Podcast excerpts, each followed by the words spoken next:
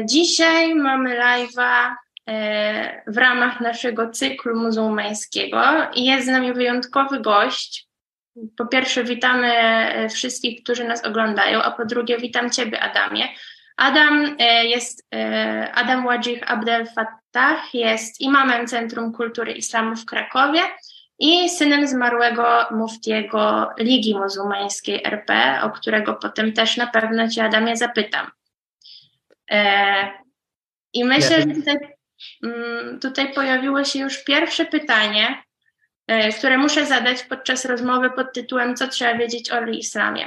Czyli kim właściwie jest imam? Czym się właściwie zajmujesz? E, tak, w imię Boga Miłosiernego i Tościowego. Witam Państwa wszystkich serdecznie. Odpowiadając może od razu na to pierwsze pytanie, bo tak naprawdę nie wiem, ile ten panel będzie trwał i nie chcę też Państwa zajmować całego wieczoru. Imam z języka arabskiego można przetłumaczyć jako, jako lider albo osoba e, prowadząca, prawda? E, oczywiście teraz jest skojarzone to słowo głównie z taką jakby sferą religijną, jako osoba, która prowadzi modlitwę. Natomiast ogólnie słowo imam również w języku arabskim jako i związane z terminologią islamską określa pewnego lidera, Niekoniecznie musi być to przywódca, natomiast lider, osoba odpowiedzialna za coś, takim liderem może być na przykład mama czy tata w domu również. Ale do moich obowiązków należy tutaj oczywiście odprawianie modlitw e, wszystkich, prowadzenie e, kazań piątkowych, reprezentowanie też e, społeczności muzułmańskiej, chociażby w ten sposób jak dzisiaj i staranie się rozwiązać e, różnego rodzaju, e, rodzaju problemów w społeczności muzułmańskiej, jak również dialog, na, e, dialog międzyreligijny. Mm, okej, okay. myślę, że mamy godzinę, także nie musisz się spieszyć. Ale skoro wiemy już, kim jest imam i wspominałam o Twoim tacie, to kim w takim razie jest mufti? Mufti to jest, można powiedzieć, to jest już taka troszeczkę wyższa szkoła jazdy. Słowo mufti pochodzi od słowa fatwa, a fatwa jest to opinia e, religijna e, albo związana ze sferą religijną mm, i nie każdy imam może być mufti. Mufti musi być wykształconą osobą na bardzo wysokim poziomie związaną z, z prawem muzułmańskim i fatwa jest opinią, nie musi być wcale wiążąca, ale jest opinią e, takiego uczonego wydaną na dany kraj, na dany region, czy czasami również na, na cały świat. Najczęściej dotyczy y, spraw takich mm, niepewnych, bo mamy w islamie rzeczy, które są pewne, jasne, wynikające z Koranu czy y, z hadisów proroka, pokój z nim, ale są też takie, które są dla nas y, mm, zagadką albo mm, rzeczami takimi niepewnymi i wtedy często ludzie zwracają się do muftiego o jego opinię y, mm, opartą oczywiście na wiedzy i na Koranie i, i hadisach, w jaki sposób wypadałoby jego zdaniem postąpić w takiej i takiej sytuacji y, i w takim i takim miejscu. I muftim był mój tata świętej pamięci. E, to zanim jeszcze przejdziemy do Twojego taty, to chciałam się zapytać, czy żeby być albo imamem, albo muftim musisz mieć jakieś odpowiednie wykształcenie, to znaczy skończyć na przykład jakąś konkretną uczelnię muzułmańską, czy... Znaczy, żeby być muftim, mm, oczywiście. E, to, to, to, muszą być już naprawdę i, i wysokie e, studia prawa muzułmańskiego, jak również to, co jest najważniejsze, doświadczenie, bo tak naprawdę, tak jak mówimy, to już jest tak jakby sfera oparta również na, wynika, na, na rzeczach wynikających również z doświadczenia. Bo tak jak prowadziliśmy, prowadziłaś ze mną wcześniej e, wywiad, mówiliśmy właśnie, że e, opinie czasami, a czy fatły właśnie wydawane przez muftich mogą wydawać się czasami sprzeczne z naukami islamu, ponieważ mówią albo da, dają, otwierają furtkę, którą rzekomo islam zamyka, natomiast islam właśnie daje e, możliwości na prowadzenie pewnego rodzaju e, dialogu, rozmyśl, rozmyślanie nad, nad prawem islamskim i podejmowaniem własnych decyzji, ponieważ y, mm, Bóg wie, że życie wcale nie jest czarno-białe, że życie ma raczej odcień szarości i że różne rzeczy w życiu się zdarzają. Wtedy akurat rozmawialiśmy o, o tej sprawie, która i tym problemie, który teraz występuje w Iranie, czyli protestach kobiet związanych z chustką i jak islam się odnosi do chustki, czy kobieta może tę chustkę zdejmować, czy nie. I odpowiedzieliśmy na to, od, odsyłam oczywiście na, tam na stronę Salam Labu do wywiadu i mówiliśmy, że oczywiście, że po, po pierwsze kobieta ma sama prawo decydowania o sobie, E, a są opinie również e, uczonych muzułmańskich, że na przykład na zachodzie Europy e, chustka mm, może spowodować, że kobieta będzie zagrożona, czy przez ataki osób nieprzychylnych islamowi i tak dalej, i tak dalej. Więc wtedy według tych opinii uczonych mm, taka, mm, taka praktyka, jak zdjęcie chustki, czy nie noszenie chustki, absolutnie nie jest grzechem. E, jeżeli chodzi o imama, to oczywiście e, mówimy tutaj o tak jakby o, o wszelkich czasach, jakie e, od, od czasów proroka Muhammada, pokój z nim, to musi być osoba, która posiada pewnie, również pewne cechy, bo to już nie jest mm, osoba taka jak mufti, czyli musi skończyć na wyższy poziom studiów i zawsze będzie pewnego rodzaju, w pewnym sensie szanowana, przez to, że skończyła te, te uczelnie. Natomiast musi posiadać pewne też, pewne też cechy jako, jako lider właśnie, żeby osoby za nią podążały, albo żeby miała jakiś posłuch u ludzi, żeby mm, nie robiono przeciwko takiej osobie jakichś wolt. Y, musi oczywiście mieć mm, wiedzę y, y, muzułmańską, ale musi mieć też taki, mm, taki takt. I oczywiście kształcimy się, cały czas mamy kursy, cały czas kilka razy w, w roku mamy można powiedzieć, takie sympozja naukowe, rozwijające nas również. Natomiast to, czego osobiście mi brakuje, to chyba takiej charyzmy, czy, czy, czy czegoś takiego, żeby ludzie za mną postępowali. Ale mówię, no, jestem raczej tutaj z braku laku, niż jako osoba w 100% kompetentna. Rozwijam się i uczę dalej y, i mam nadzieję, że z biegiem czasu mm, będę coraz lepszym imamem na tym stanowisku. A kto wybiera imama albo muftiego? E, oczywiście e, mm, tutaj w Polsce mamy, e, należy do Ligi Muzułmańskiej i Muzułmańskiego Stowarzyszenia Kształtowania Kulturalnego i w ramach tych organizacji wybierane są w ramach rad i powiedzmy takich najbardziej osób zarządzających tymi organizacjami są wybierane osoby zdaniem tych osób najbardziej kompetentne do, mm, do danego miejsca i do danego czasu. E, oczywiście, tak jak mówiliśmy, jeżeli chodzi o pozycję muftiego, to musi to być osoba najbardziej wykształcona w, w religii i najbardziej wykształcona w języku arabskim. Są takie dwa wymogi. I również oczywiście podlega taka osoba wyborowi. Natomiast co do imamów, jest troszeczkę mniej, mniej wymogów, o w ten sposób powiem. Okej. Okay. E, to w międzyczasie zapraszam wszystkie osoby, które nas oglądają, do tego, żeby zadawały pytania Akasia E, moja koleżanka z redakcji będzie nam je tutaj przekazywać.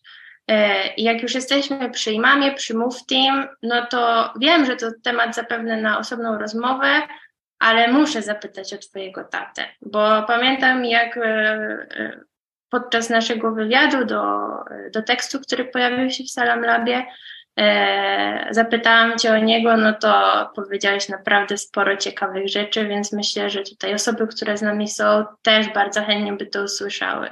Szczególnie, tak Ci tylko podpowiem, wątek o Husejnie. O Husejnie. O, no, z tatą spędziłem blisko 28 lat y, mojego życia. Był nie tylko moim tatą, moim nauczycielem, starszym bratem, bo nie mam starszego rodzeństwa, całe moje rodzeństwo jest młodsze ode mnie, najlepszym przyjacielem, więc jego strata na pewno była dla mnie bardzo ciężka, ale i dla naszej społeczności, ponieważ e, tata naprawdę, to co mogę powiedzieć i na pewno e, Karol jakby był z nami też by potwierdził, że tata był osobą, która szczerze znosiła jakiekolwiek stereotypy. Przyjechał jako młody chłopak, 16-letni chłopak na studia medyczne, bo tam trochę w krajach arabskich troszeczkę wcześniej się idzie do szkoły i wcześniej się kończy liceum. Przyjechał najpierw do Węgier. W Węgrzech mu się za bardzo nie spodobało i postanowił przyjechać do Polski, a mimo, że koledzy mu tak naprawdę e, odradzali tego pomysłu, mówili, że Węgry są bardziej rozwinięte, że Budapeszt jest dużo, taki, dużo bardziej perspektywiczny, ale tata jakoś nie czuł się za szczególnie na Węgrzech i przyjechał do do Polski, y, do, do naszego, do mojego i do twojego wspólnego miasta rodzimego, do Lublina i zakochał się w Polsce. Powiedział mi, że otwartość, z jaką spotkał się w Polsce, że ludzie, mimo że oczywiście, że patrzyli na niego troszeczkę z zaciekawieniem, bo raczej tak to trzeba było odbierać, bo to, to były czasy jeszcze końcówki komunizmu, E, ale z dużą sympatią, pomagali mu. E, opowiedział mi, to też mówiłem Ci tę historię, e, że zgubił się kiedyś w centrum, a mieszkał na takiej dzielnicy w, w Lublinie, która się nazywa Rury LSM i starsza pani z centrum, mimo że tata ani dudu po, po polsku w tamtym momencie, a ta pani ani po angielsku, ani po arabsku tym bardziej, wzięła tatę za rękę, jak tylko tata powiedział nazwę ulicy i zaprowadziła go kilka kilometrów e, pod blok. Więc tata zakochał się w Polsce, zakochał się w Lublinie i e, był bardzo, zanim, przede wszystkim zanim, zanim był muzułmaninem, to był bardzo przyzwoitym człowiekiem, bardzo dobrym człowiekiem, otwartym na innych. E, wiedział, że zawsze to, mówił to, co mówił, że to, co nauczali prorocy. W naszej opinii, tak jak Jezus również jest prorokiem i mówił tata, że prorocy i wszyscy ludzie, którzy byli wysłani do, przez Boga, byli wysłani do, nie do ludzi powiedzmy zdrowych, wierzących, tylko do ludzi chorych, więc my musimy się przychylać do ludzi, nawet tym nam nieprzychylnych, ponieważ widzimy je jako osoby w błędzie, ale niekoniecznie złe. I tata potrafił rozmawiać ze wszystkimi. I to było w nim cudowne. Pamiętam, że jak otworzyliśmy Ośrodek Kultury Muzułmańskiej w Warszawie, i to był taki pierwszy, można powiedzieć, meczet, który wyglądał jak meczet, e, a nie wykupiony domek czy sala modlitewna. To były oczywiście protesty. I e, była tam osoba, nie będę wymawiał jej imienia, bo może sobie tego nie życzy, ale mówiła, że po drugiej stronie, czyli w tych takich najbardziej agresywnych, e, może nie chcę powiedzieć islamofobach, ale osobach, którym nie podobało się pomysł budowania meczetu w Warszawie wśród protestujących, była pewna kobieta.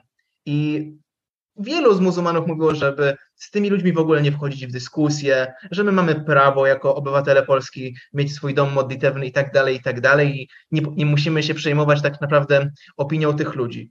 A tata właśnie powiedział coś zupełnie odwrotnego. Powiedział, że e, my przyjechaliśmy tutaj dla tych ludzi również i nasza ta posługa jest też dla tych ludzi.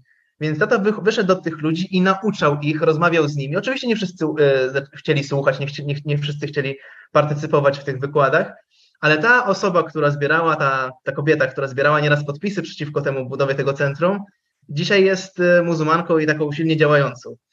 Ponieważ wynikło to po prostu z rozmowy i z otwartości mojego taty. I tata, tak jak e, właśnie wracamy tego z tym Husseinem, czyli malutkim chłopcem, to naprawdę największa oczywiście zasługa tu jest Saram Labu i Karola, który dołożył wszelkich starań, żeby tego poparzonego i bardzo rannego chłopca z Syrii przywieźć do Polski, załatwić wszystkie formalności, które nie były łatwe, wywieźć go w ogóle z Syrii było bardzo trudno, ale tata nie był osobą, która, a mieliśmy takich mnóstwo, które mówiły, że w momencie, gdybyśmy byli albo gdybyśmy mieli tych potrzebujących blisko siebie, to na pewno byśmy pomagali, a to był taki E, bardzo żyliśmy tym konfliktem i e, katastrofą, która działa się w Syrii. Dzieje nadal, ale wtedy było tego, o tym dużo głośniej, dużo gorzej tam było. E, tata był tak naprawdę jedyną osobą, która pojawiła się, pojawił, kiedy pojawił się ten chłopiec tam u nas na Lubelszczyźnie, działał od, od pierwszej sekundy, kiedy trafił do nas, do momentu, aż wyjechał. Lub, chłopiec był leczony w Łęcznej, czyli miejscowość troszeczkę oddalona tam po 40-50 kilometrów od Dublina i około 50 minut drogi w jedną stronę. I tata był tam codziennie, jeździł w te i we w te, za swoje pieniądze, tłumaczyć yy, lekarzom, co mówi ojciec tego chłopca, uspokajać tego chłopca. Mówiłem Ci też o tej sytuacji właśnie, że kiedy ten chłopiec przyjechał, on był cały poparzony, yy, no ale tam były jakieś rutynowe badania i na przykład lekarz wyciągnął ten taki bez, bezdotykowy mm, termometr i chłopiec wpadł w panikę, bo myślał, że to pistolet i tata wziął ten termometr do swoich rąk i powiedział do niego Hussein, patrz, ja wymierzam w siebie i nacisnął ten termometr i mówi, widzisz, to nie jest broń, to jest termometr, tylko sprawdza temperaturę. Więc e, o tacie bym mógł, mógł opowiadać e, bardzo dużo. Ci, którzy mieli go przyjemność poznać, wiedzą, że na pewno był. Ja nie, zawsze chciałem, nie chcę mówić, że nie ma ludzi niezastąpionych, bo bo każdego w jakiś sposób da się zastąpić. No, dla mnie jako dla syna był niezastąpiony, dla przyjaciół był niezastąpiony i na pewno zostawił dużą lukę, jeżeli chodzi o wiedzę, jeżeli chodzi o, o otwartość serca i jeżeli chodzi o, chodzi o takie zwykłe człowieczeństwo. Tutaj w naszej społeczności nie mówię tylko o muzułmańskiej, tylko ogólnie społeczności dialogu i o Polakach. E, pojawiło się też pierwsze pytanie w komentarzach o to, czy imam, ja też myślę, że dodam i mufti, może albo może powinien mieć żonę. Yy, yy, może, czy powinien, to jest jego oczywiście wola. Moja żona jest tam, w, że tak powiem, w, w, kuchni z moją córeczką. Nie to, że ja ją zapędziłem do kuchni, żeby nie było zaraz, że a, już w kuchni, jest żona. E, tylko akurat małej przygotowuję e, jedzenie. Imam nie jest e, właśnie bardzo, imam jest osobą, albo może być osobą całkowicie świecką, mającą posłuch, umiejącą czytać Koran, recytować Koran, znającą pewne wersety z Koranu i nie obejmuje nas ani celibat, ani nie mamy żadnych dodatkowych umiejętności jak rozgrzeszanie. W islamie jest tylko proszenie Boga o przebaczenie. Imam może udzielać, udzielić jakiejś informacji, takie jak zwykły nauczyciel. Ja miał jakieś braki z matematyki, poszedłem do nauczyciela matematyki. Jeżeli ktoś ma jakieś E, braki z wiedzy religijnej, może przyjść do imama. Nie znaczy to oczywiście, że pozjadałem wszystkie rozumy świata, bo często jest tak, że odsyłam ludzi, mówię, że mówię, że przepraszam, muszę sam się dowiedzieć, bardzo ciekawe pytanie i pytam osób bardziej doświadczonych ode mnie. Natomiast e, nie, jesteś, nie jesteśmy ani ponad prawem, e, ani ponad jakąś hierarchią i nie mamy też nałożonych na nas pewnych zakazów i pewnych przywilejów. Jesteśmy jak normalni wierzący, tylko po prostu wiodąco, liderujący. Okej. Okay. E, myślę, że to jest dobry moment, żeby zapytać o takie podstawy o islamie. Czy chciałbyś powiedzieć nam na przykład, jakie są obowiązki każdego muzułmanina? No właśnie jakieś takie rzeczy, które trzeba wiedzieć e, o islamie, jak w tytule tej rozmowy. E, tak, tutaj mogę dużo osób zaskoczyć, że wcale nie jest obowiązkiem muzułmanina być, rozrywać się, że tak powiem, w centrum miasta, prawda? E, oczywiście to, tak to, troszeczkę tutaj pajacując. Islam jest łatwą religią, mimo to ludzie przekazu, pokazują w taki sposób, że ona jest e, trudna, rygorystyczna. E, Islam jest religią abrahamową, tak jak religia judaistyczna i chrześcijaństwo. Jest najmłodszą z tych religii. Opieramy się na Koranie. Naszym ostatecznym prorokiem jest prorok Muhammad, ale wierzymy we wszystkich proroków, od Adama poprzez Mojżesza, Jezusa aż do proroka Muhammada i obowiązkami muzułmanina jest przede wszystkim być przyzwoitym człowiekiem, bo same praktyki religijne, e, tak jak uczy Koran, człowieka nie wybawią. A jeżeli chodzi o praktyki religijne, e, to jest wiara w jedynego Boga, że nie ma Boga, jak tylko Bóg jedyny. Modlitwa pięć razy dziennie, nie jest to nic e, aż tak, e, aż tak ciężkiego. Ta modlitwa nie trwa wcale kilku godzin, tylko zazwyczaj od trzech do siedmiu minut każda jedna, więc nie ma, e, to nie jest jakiś super duży wysiłek. Jałmużna obowiązkowa, jeżeli oczywiście ktoś ma możliwości finansowe, wspomagać biednych, to jest to obowiązek muzułmanina. Później jest post w miesiącu Ramadan, raz, ten miesiąc wypada raz do roku i jeżeli ktoś ma możliwości zdrowotne i majątkowe, raz w życiu pojechać na pielgrzymkę e, do Mekki. Także to, to, są, to się nazywa pięć filarów islamu i na tym islam jest tak naprawdę e, zbudowany. Więc nie jest niczym, niczym trudnym. Mm, kojarzy się mm, często ludziom źle e, przez czyny niektórych muzułmanów, to raz, a dwa, że przez troszeczkę zafałszowane obraz islamu w mediach. E, przez to, że e, pokazuje się islam w nieprawdziwym świetle, ludzie w tym zamieszaniu dzisiejszym i braku czasu nie weryfikują informacji. E, I przez to, że bardzo często przez całe życie nie poznają żadnego muzułmanina, wydaje im się, że ten islam musi być takim, jakim przedstawiają go media głównego nurtu. Natomiast islam w oczach w naszych oczach jako muzułmanów jest perfekcyjny, muzułmanie oczywiście perfekcyjni nie są. i musimy oczywiście nad tym mm, pracować. Mówię o, mówię o wszystkich, muzułmanie muszą pracować nad sobą, pokazywać swoją religię w dobrym świetle swoim postępowaniem, a nie muzułmanie po prostu otwierając się troszeczkę na nas i próbując nas poznać, a nie bojąc się nas i odrzucając. E, powiedziałeś o tym mm, no, przysłowiowym wysadzaniu się w środku miasta, więc chciałam zapytać o Koran, bo to on jest często wykorzystywany w takich dyskusjach na temat islamu i stąd biorą się jakieś stereotypy, bo osoby mówią, że przecież w Koranie jest napisane to czy tamto. E, no to jak to jest z tą świętą dla islamu księgą? Mogę na pewno powiedzieć, że Koran, który był objawiany 1500 lat temu, nie uwzględnił materiałów wybuchowych. To no, jest pierwsza rzecz. Ale mówiąc już tak na, na całkowicie serio, islam zakazuje jakichkolwiek aktów agresji. Hmm, oczywiście islam, jak i każda religia, pozwala na samoobronę. Jakby wczytać się w wersety Koranu, Bóg zawsze mówi o tym, że można y, wejść w jakiś konflikt wojenny, ale nigdy nie wolno być osobą atakującą albo stroną atakującą. Zawsze musimy się bronić, a kiedy oczywiście, kiedy wymaga tego e, sytuacja, mamy obowiązek stanąć do obrony y, swojego życia, życia naszych bliskich, naszych ziem, nie ma w tym nic złego. Natomiast bycie najeźdźcą, i o tym jest jasny cytat w Koranie, jest zakazane. E, problemem jest, e, dlaczego w takim, w takim razie rodzi się pytanie, dlaczego muzułmanie to robią?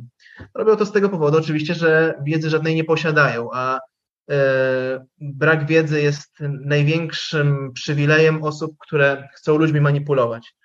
E, osoby, które wyrządzi, wyrządziły i wyrządzają krzywdę innym i mówią o sobie, że są muzułmanami, ja im, ja im nie chcę odbierać ani, ani religii, ani niczego i nie chcę wchodzić w ich intencje. Natomiast jakby spojrzeć na ich historię, to są osoby niewy, bardzo najczęściej niewykształcone, e, bez albo z, z jakimiś problemami rodzinnymi. Nie chcę ich nazy nazywać patologią, natomiast z bardzo trudnych środowisk. I one przez to, że całe życie czuły się odtrącane, trafiały w, y, między ręce ludzi, którzy prowadzili coś takiego, można powiedzieć, jak no, pewnego rodzaju sekty, więc e, tworzyli dla nich społeczność, w której czuli się nieodtrąceni, czuli się w niej ważni, nadano im jakiś sens życia E, jakąś misję, która nie ma nic wspólnego z islamem, była i jest e, chora, e, natomiast dawała im jakiś punkt odniesienia. I to, to rodziło problemy. A osoby, które tymi ludźmi manipulują, to no niestety takie, takie osoby w społeczności zawsze, w każdej społeczności zawsze się znajdą, które wyręczą się słabszymi, głupszymi, E, e, a będą sami mieć z tego jakiekolwiek korzyści. I naszym wspólnym celem jest e, przede wszystkim właśnie stawać naprzeciw takiemu złu, naprzeciw agresji i odcinanie takich ludzi od, można powiedzieć, no, od, od wpływu innych, żeby nie wpływali na innych, o może w ten sposób, żeby nie wpływali na innych.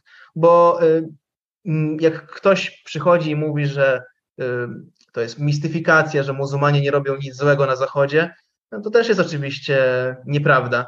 Y, ludzie są ludźmi, y, ludzie popełniają błędy, czasami y, okropne, tylko tak jak mówiliśmy, tu jest raz z jednej strony złe postępowanie muzułmanów, którzy postępują w sposób sprzeczny z Koranem, sprzeczny z naukami proroka, robią to głównie z braku wiedzy i przez to, że są manipulowani przez jakieś tam jednostki, a z drugiej strony mamy y, zaognianie przez media, y, ponieważ y, kiedy był atak chociażby mm, na wyspę Utoja przez Breivika, mimo że on odnosił się do takich samych, powiedzmy, wartości, jak, jak robią to terroryści z ISIS, nikt nie powiązał go z prawdziwym chrześcijaństwem, z kościołem. Każdy się go wyparł i tak jak my się wypieramy tych, tych zepsutych ludzi z ISIS, tak tutaj nikt nie wpadł, nie wpadł na pomysł, żeby takiego człowieka z tym łączyć i nawet nikt by na to nie pozwolił. I tak samo było e, z atakami terrorystycznymi na e, meczety w, e, w Nowej Zelandii.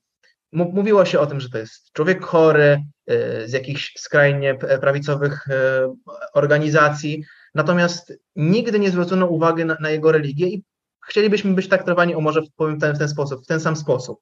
że jeżeli robi to, jeżeli coś złego robi jakiś muzułmanin, to oczywiście potępiamy go całym sobą, jeżeli on krzywdzi innych, natomiast nie przez pryzmat tej osoby czy tej grupy nie wyrzucać całej społeczności, która liczy prawie 2 miliardy, do jednego worka. To byłoby takie najsprawiedliwsze w mojej ocenie. Mm, a co Koran mówi na przykład o Jezusie? E, Jezus, pokój z nim, jest wymieniony w Koranie ponad 25 razy, e, więc dużo częściej niż prorok Muhammad, który jest z imienia wymieniony w Koranie 4 razy, więc dużo częściej. Mówi o cudownych narodzinach Jezusa Chrystusa, wywyższa pośród, ponad wszystkie kobiety jego matkę Maryję, Maryja jest wymieniona w Koranie, jeżeli nie chcę skrzykać, ale około 60 albo 70 razy z imienia. E, I jako, jest wymieniona z imienia jako jedyna e, kobieta w całym Koranie. Mm, wierzymy w jego cudowne narodziny, w to, że została mu objawiona e, księga, że był mm, wysłannikiem Boga. I tutaj się rodzi teraz różnica. Nie wierzymy w to, że Jezus pokój z nim był ani, że nie jest, ani nie wierzymy w to, że jest Bogiem i nie wierzymy w to, że jest synem Boga, jest jego wysłannikiem, cudownie urodzonym. Nie wierzymy również w ukrzyżowanie. E, uważamy, że Bóg uratował Jezusa przed ukrzyżowaniem, wziął go do siebie jako Mesjasza i że Jezus wróci na, przed dniami ostatnimi tutaj na ziemię, e, potwierdzając prawdziwość e, wiary w jednego Boga i pokonując antychrysta, to też jest taka, powiedzmy, taka wspólna e, ścieżka muzułmanów i chrześcijan. Więc muzułmanie kochają Jezusa, nie można nam go obrażać. E, Bóg mówi w Koranie, że nie, nie wyróżnia albo nie, nie, nie jest dla niego któryś z proroków czy wysłanników ważniejszy bądź mniej ważny. E, więc muzułmanie kochają Jezusa, kochają Maryję i dlatego nigdy nie znajdziemy przykładów, żeby E, muzułmanie atakowali czy obrażali e, te postaci, mimo że tak jak zawsze mówię, nikogo się nie powinno obrażać i, i opluwać, nawet jak jest nieważną osobą, bo to, to ujmuje osobie, która obraża, a nie obrażonemu. Mamy kolejne pytanie. Czy muzułmanin może poślubić osobę innej religii lub osobę, która żadnej religii nie wyznaje? I myślę też, że jako drugie pytanie ja tutaj jeszcze dodam przypadek muzułmanki. Tak, tak, tak. E, domyśliłem się, e, że takie pytanie będzie. E, tutaj mamy różne opinie muzułmanów, natomiast ja się oprę na Koranie. Islam uczy, że muzułmanin, w tym momencie mówimy o mężczyźnie, może poślubić kobiety ludu księgi, czyli muzułmanki, chrześcijanki albo, albo Żydówki. Wszyscy uczeni zgadzają się do, co do tego, że osoby spoza tego grona nie mogą być e, brane jako, potencjalni, jako potencjalne partnerki. E, ja powiem tutaj teraz mm, moją osobistą opinię, i to jest opinia, tak można powiedzieć, większości szkół, że uważam, że mm, przychylam się do tej opinii, która wynika z Koranu, że e, muzułmanka może poślubić jedynie muzułmanina z pewnych powodów, z takich powodów, że mężczyzna, który bierze ślub z kobietą, musi wobec niej e, wykonać pewne obowiązki. Przede wszystkim e, musi zapłacić jej posag, a islam bardzo mocno zaznacza, że e, nie może, nie można narzucić praw muzułmańskich na osoby wyzna innego wyznania. Więc gdyby taka osoba, taka kobieta wchodziła w związek małżeński, wiązałoby się to z tym, że pewne obowiązki, jakie spoczywają na mężczyźnie, musiałyby być narzucone na tych niemuzułmanów, chociaż tak jak mówię, są niektóre opinie, które mówią, że e, takie małżeństwo może zostać zawarte. W mojej opinii nie, ale tak jak mówię, to jest moja opinia. E, jest jeszcze trzecia opcja, e, o której można powiedzieć, że jeżeli kobieta była chrześcijanką, ateistką albo, albo Żydówką, miała wcześniej męża i przyjęła islam, to takie małżeństwo wcale się nie rozpada.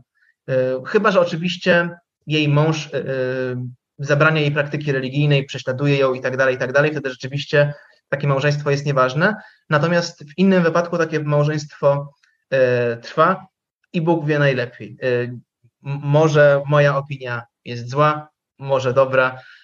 Zawsze mm, mm, zalecam wszystkim, żeby sami szukali, nie słuchali tego, co się słyszy też w internecie tak na ślepo, żeby sami poczytali, pytali też osób bardziej doświadczonych ode mnie.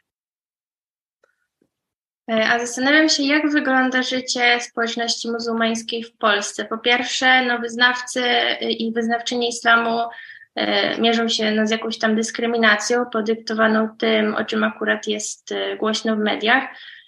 A po drugie są mniejszością, więc czy to, że żyją w Polsce wpływa w jakiś sposób na życie religijne, na przykład na to, że obowiązkiem muzułmanina i muzułmanki jest pięciokrotna modlitwa w ciągu dnia? Na pewno to ma, to, to ma wpływ, że nie żyjemy w, w kraju, w którym większość stanowią muzułmanie. E, natomiast e, mm, to już trzeba pytać naprawdę tak e, każdego z osobna. Wydaje mi się, że większość osób w swoim życiu spotkała się z pewnego rodzaju dyskryminacją. Ja nie mówię tylko o muzułmanach. Muzułmaninowi łatwiej jest dostać jakąś obelgę, zwłaszcza jak wygląda troszeczkę inaczej prawda? Chociaż mnie częściej wyzywali od, od Żydów, bo mam duży nos. E, I, i jestem troszeczkę, i mam taką, mamy podobną karnację Arabowie z Żydami, prawda? Więc raczej nie mylili z Żydem, prawda? Rzucali mi, mówili grosiki i mówili, że to szekle, ale to mówię, tak to wyglądało. E, to były jeszcze czasy takie powiedzmy szkolne e, w Lublinie.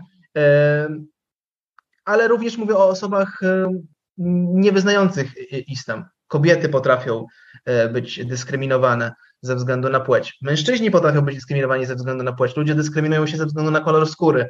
E, mamy niestety XXI wiek, a mentalnie nadal wiele osób e, utknęło kilkaset lat wstecz i z tego to wynika.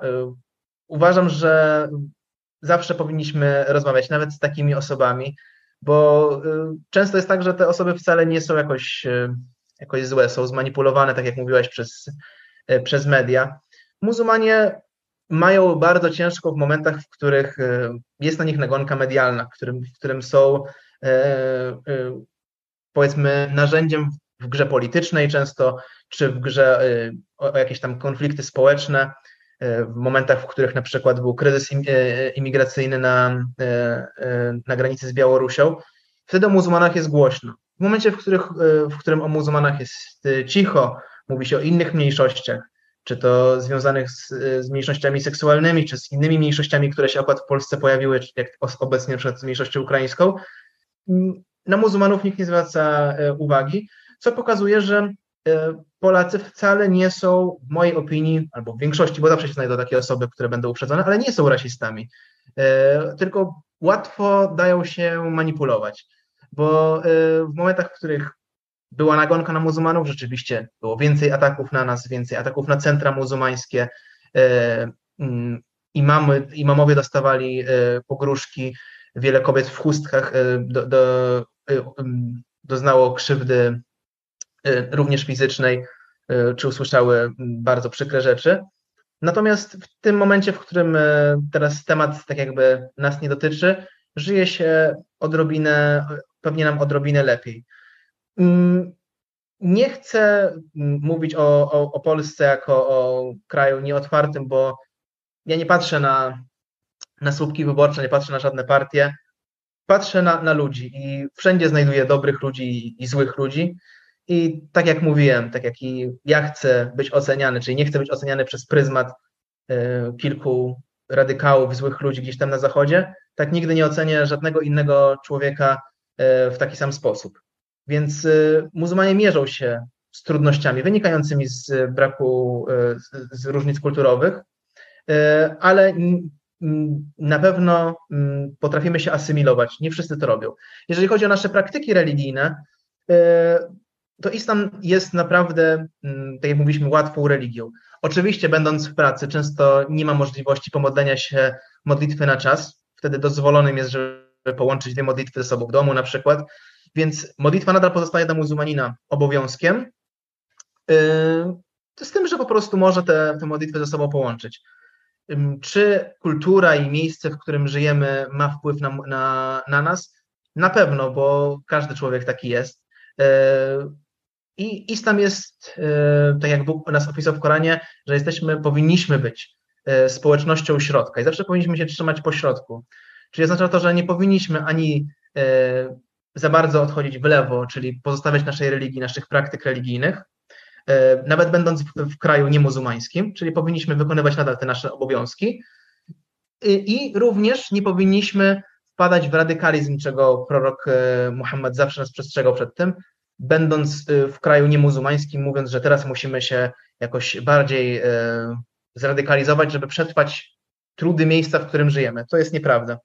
Każdy muzułmanin da radę żyć tak samo, jak żył w swoim kraju, w każdym innym miejscu e, na świecie, które, to, jest ważne, które e, pozwala na wyznawanie, na, na wyznawanie nam religii. Jeżeli ktoś rzeczywiście chce ją wyznawać w odpowiedni sposób, to ani jej nie porzuci, ani się nie zradykalizuje. Ale oczywiście takie przypadki się znajdą, to jest normalne. Mm, a zawsze była taka dyskryminacja? To znaczy na przykład wtedy, kiedy przyjechał twój tata do Polski? Tak jak mówiłem, tata się zakochał, bo właśnie powiedział, że wtedy w ogóle nie było dyskryminacji na tym tle. Była ciekawość. Tata mówił, że ludzie się patrzyli e, albo wsłuchiwali, że mówił innym językiem, prawda? Ale nie było tego problemu. E, no i tak naprawdę ten cały pro, e, problem z islamofobią, ze strachem przed islamem, no, urodził się 11 września 2001 roku po atakach terrorystycznych na World Trade Center. Wtedy zaczęła się też, nawet, nawet kultura zaczęła mm, tak naprawdę pokazywać, że muzułmanów jako terrorystów, jako jakichś dzipusów na pustyni, prawda? Wcześniej nawet jak się oglądało jakieś stare filmy, które akcji szklana upłapkę czy coś takiego, to bardzo często było pokazywane, że bohaterski Amerykanin walczył na przykład z jakimś, e, z jakimś złym Rosjaninem albo z kimś tam. Bo wtedy takie konflikty się, e, e, takie konflikty trwały i z tego czerpała kultura. Natomiast po tych wydarzeniach strasznych z 11 września, mm, gry komputerowe, filmy, seriale często były oparte na tym, że Zachód na przykład próbuje zasiać E, dobro na, na, na Bliskim Wschodzie. Na Bliskim Wschodzie są albo ludzie e, pro, prości, wierzą, wierzący w, w jakieś zabobony, o, o których się nie mówiło dobrym, albo mówiło się że neutralnie, ale pokazywało się naszą religię jako zabobon, albo radykałowie e, biegający w, w klapkach po pustyni. Więc to, to nam na pewno zwiło bardzo zły PR.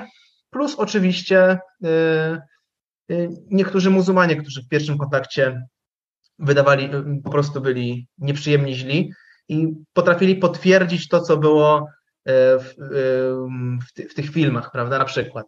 Więc y, to nam na pewno bardzo utrudniło życie.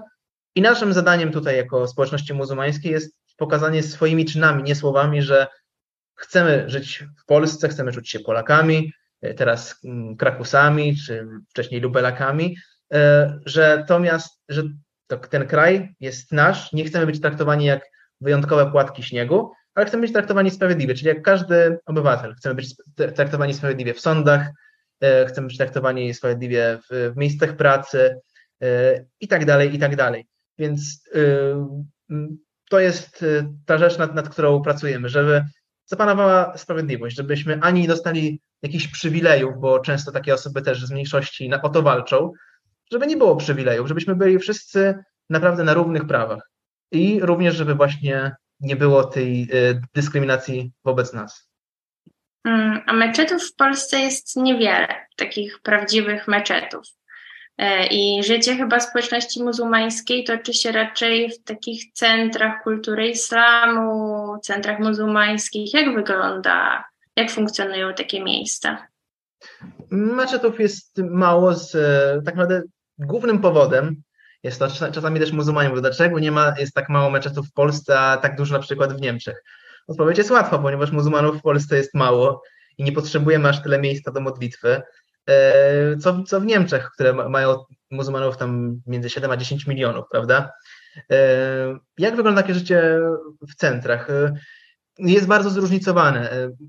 Społeczność muzułmańska też między sobą bardzo się różni, ponieważ to są ludzie z, z, różnych zakątków świata, z różną kulturą, często z różnym językiem. Więc oni e, tworzą swoje często po takie podgrupki. Turcy lubią się trzymać z Turkami, e, ludzie po, e, z krajów po byłym Związku Radzieckim razem się trzymają, Arabowie starają się trzymać razem, więc tak to mniej więcej wygląda. Natomiast celem takich centrów kultury jest nie tylko zjednanie tych wszystkich muzułmanów, pokazanie właśnie tego oblicza islamu, który jest religią globalną, nie, wcale nie przeznaczoną dla Arabów, do Turków czy, czy dla jakichś Uzbeków, tylko dla wszystkich ludzi, żeby ich razem zgromadzić jako w takiej grupie braterskiej, jak również pokazanie, że ukazanie naszej kultury na zewnątrz, żeby nasze centra staramy się pozostawiać otwarte dla, dla wszystkich ludzi, dla wszystkich zainteresowanych, nie tylko przyjęciem islamu, ale porozmawianiem, często nawet zadaniem trudnych pytań. Y, to są miejsca y, dialogu. Więc y, nasze, nasze, nasza działalność oparta jest na tym, żebyśmy właśnie te mosty budowali, a nie gdzieś tam sobie budowali między sobą mury i, tworzyli getta, bo getta zawsze prowadzą tylko do, do problemów, więc my próbujemy właśnie być takimi budowniczymi mostów. Mm, a właśnie chciałam zapytać o ten dialog międzykulturowy i międzyreligijny, bo ty bardzo działasz y, na jego rzecz. I jak to wygląda? Jak to w praktyce wygląda? To znaczy, na przykład są dni e, islamu w kościele katolickim, tak? Jak tak, wyglądają tak. nasze spotkania i czy mógłbyś o tym coś opowiedzieć? E, tak. E, już od wielu lat e, jesteśmy bardzo za to wdzięczni Kościołowi katolickiemu. Odbywają się dni islamu w kościele katolickim. Ja dopiero w tym będę brał tak naprawdę czynny udział jako imam, bo imamem jestem tutaj w Krakowie od niedawna. Chcemy przede wszystkim pokazać e, ludziom, również w naszych centrach, kiedy organizujemy Dni Chrześcijaństwa w meczecie, bo i takie rzeczy robimy, zapraszamy wtedy księży, e, e, duchownych chrześcijańskich do nas, do meczetów, że mm, są rzeczy oczywiście, które nas, nas różnią, to jest rzecz normalna. Gdyby tak nie było, to byśmy wyznawali tę samą religię. Natomiast E, wraz z naszymi braćmi chrześcijanami, również z braćmi Żydami, chcemy pokazać, że dużo więcej rzeczy e, nas łączy. I żeby pokazać e, wyznawcom wszystkich religii, że mm, jesteśmy wszyscy przede wszystkim ludźmi. Dla osób wierzących przekazujemy, że ten sam Bóg nas stworzył, a dla osób niewierzących, że powinniśmy się wszyscy szanować i że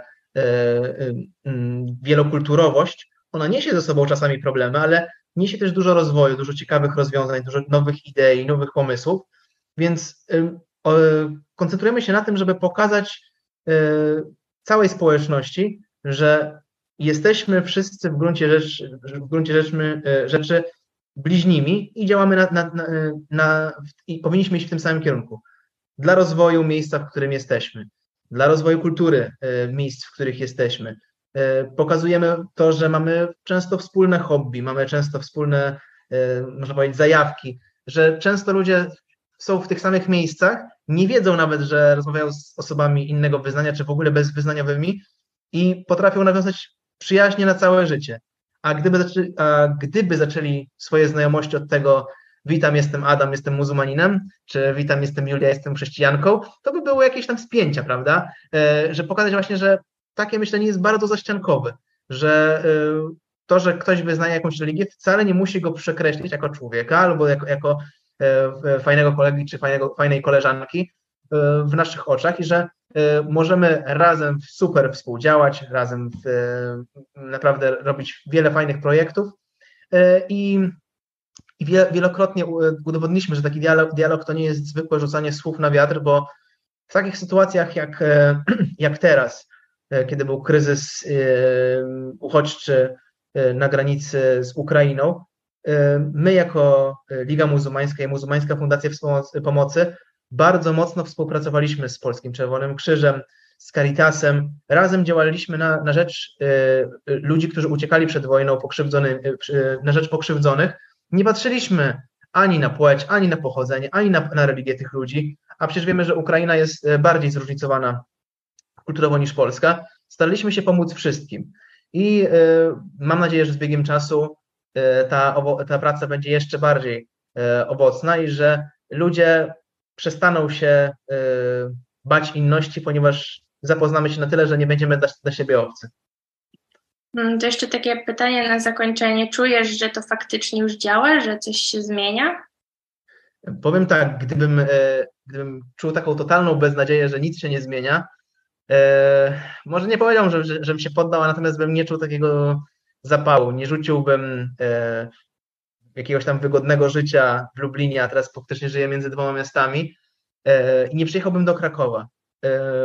Ja wierzę w ludzi, wierzę w to, że ludzie chcą działać. Naprawdę w Krakowie jestem przez krótki okres czasu, póki co, bo to kilka miesięcy, i poznałem super ludzi i poznałem bardzo niefajnych ludzi, tak jak wszędzie.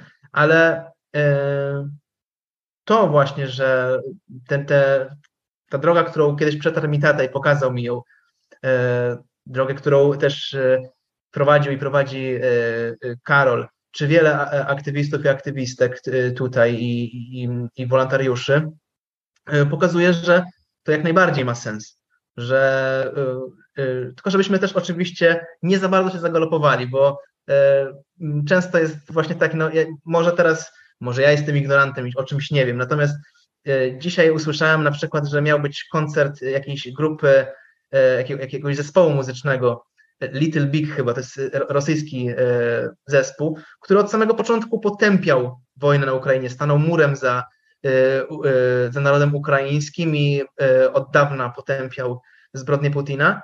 A mimo wszystko przez to, że ich pochodzenie jest z Rosji, ten, e, ten, ten, ten koncert został zablokowany. Ja nie znam nawet twórczości tych muzyków, natomiast to jest dla mnie taki właśnie przykład tego, że można pójść ze, swoją, ze swoimi dobrymi intencjami troszeczkę za daleko. Ale zmiany są możliwe. Naprawdę. E, gdybym e, chociażby to, że my tutaj rozmawiamy różniąc się w jakiś sposób od siebie, chociaż no mówię, no, my jesteśmy z tego naszego wspólnego miasta, no ale chodzi o to, że jest naprawdę, poznałem wiele osób, z którymi normalnie na żaden, no nie, nie, nie, nie chciałbym albo nie miałbym o czym rozmawiać, bo nadajemy na innych falach, e, inne rzeczy nas interesują, natomiast, interes, natomiast mamy ten wspólny mianownik, czyli e, wspólne działanie na rzecz dobra i bezpieczeństwa Polski, Polek, Polaków i, e, i tutaj nam, naprawdę nam się działa super owocnie. Więc jak najbardziej wierzę w to. Widzę, że małymi, co prawda, kroczkami, bardzo małymi, ale idziemy w dobrym kierunku. I z, wyzwa z wyzwaniami, którym, które przed nami czekają, e, uważam, że damy sobie radę. Na pewno nie będzie łatwo, ale e, raz, że będzie ciekawie, będzie, będzie więcej osób do poznania, a dwa, że e, mamy już pewne doświadczenia i e, pewne osoby, które sprawdziły się E, w, ty, w tym działaniu, więc jak najbardziej wierzę, że damy radę zbudować coś, coś super w Polsce. E, to na zakończenie jeszcze powiem, tak ze strony Salam Labu, że to jest e, dobry moment, żeby powiedzieć, że niedawno wystartowaliśmy z ważnym projektem, jakim jest Centrum Dokumentacji Islamofobii. E, I to jest pierwsza taka inicjatywa w Polsce mm, i ma być ona przestrzenią dla osób, które doświadczyły dyskryminacji albo przemocy, ponieważ wyznają islam, a bardzo często takie osoby boją się zgłaszać takie przypadki. Mhm. Ale też dla osób, które widzą islamofobię na przykład w mediach społecznościowych, i my będziemy tam e, przygotowywać specjalne raporty, analizy z mediów, z dyskursu publicznego, podręczników, ponieważ islamofobia jest e, dużym problemem w Polsce. Problemem, tak, jest. E, dlatego. Mhm. Mówię, no, chociażby to właśnie, że no wy jesteście dowodem tego, że warto działać, że często robicie rzeczy, które które powinni robić muzułmanie, a nawet o tym nie pomyśleli, czy, czy ze strachu, czy z, e, z powodu tego, że stracili nadzieję, bo często słyszymy e, głosy od muzułmanów że, i muzułmanek, że zgłaszają jakieś sprawy do, na policję czy jakichś organów i są bagatelizowane przez, e, przez to, jaką religię wyznają. Więc pokazujecie, że swoim działaniem, swoją, ja, ja mówię, może to jest już takie troszeczkę nie wiem, takie łechtanie może jakiegoś tam ego, albo jakoś tak bardzo lizusowsko zabrzmi, ale pokazujecie, że jesteście dobrymi ludźmi, którzy chcą pomóc innym, e, nie dlatego, że są tacy sami, tylko właśnie dlatego, że doznali e, niesprawiedliwości. Więc jak, jak widać, na pewno warto działać. Tak, i więcej o tym projekcie możecie przeczytać na islamofobia.pl. Tam też jest specjalny formularz. i to jest projekt, który powstał w ramach empatii, które zapewne często widzicie w naszych mediach społecznościowych. To taki akcent na zakończenie. I ja, Adam, bardzo Ci dziękuję, że byłeś dzisiaj z nami i opowiedziałeś nam tyle ciekawych rzeczy. Całą rozmowę będzie można odsłuchać jeszcze raz na Facebooku, na, YouTube, na YouTubie i na Spotify'u. E, I zapraszam na kolejne e, Salam Labowe live'y, następne tak. w przyszłym tygodniu. Dziękuję. Ja też, ja też bardzo Tobie dziękuję. Dziękuję wszystkim e, widzom. Nie wiem, czy mówić tak jak wszyscy youtuberzy, czyli zostaw łapkę dla zasięgu, subskrypcję i komentarz, ale zapraszamy do śledzenia aktywności Salam Labu i wszystkich tych live'ów. Super, bardzo dziękuję Tobie, Adam, i wszystkim, którzy nas oglądali. E, do zobaczenia, dobranoc. Dobranoc, do zobaczenia.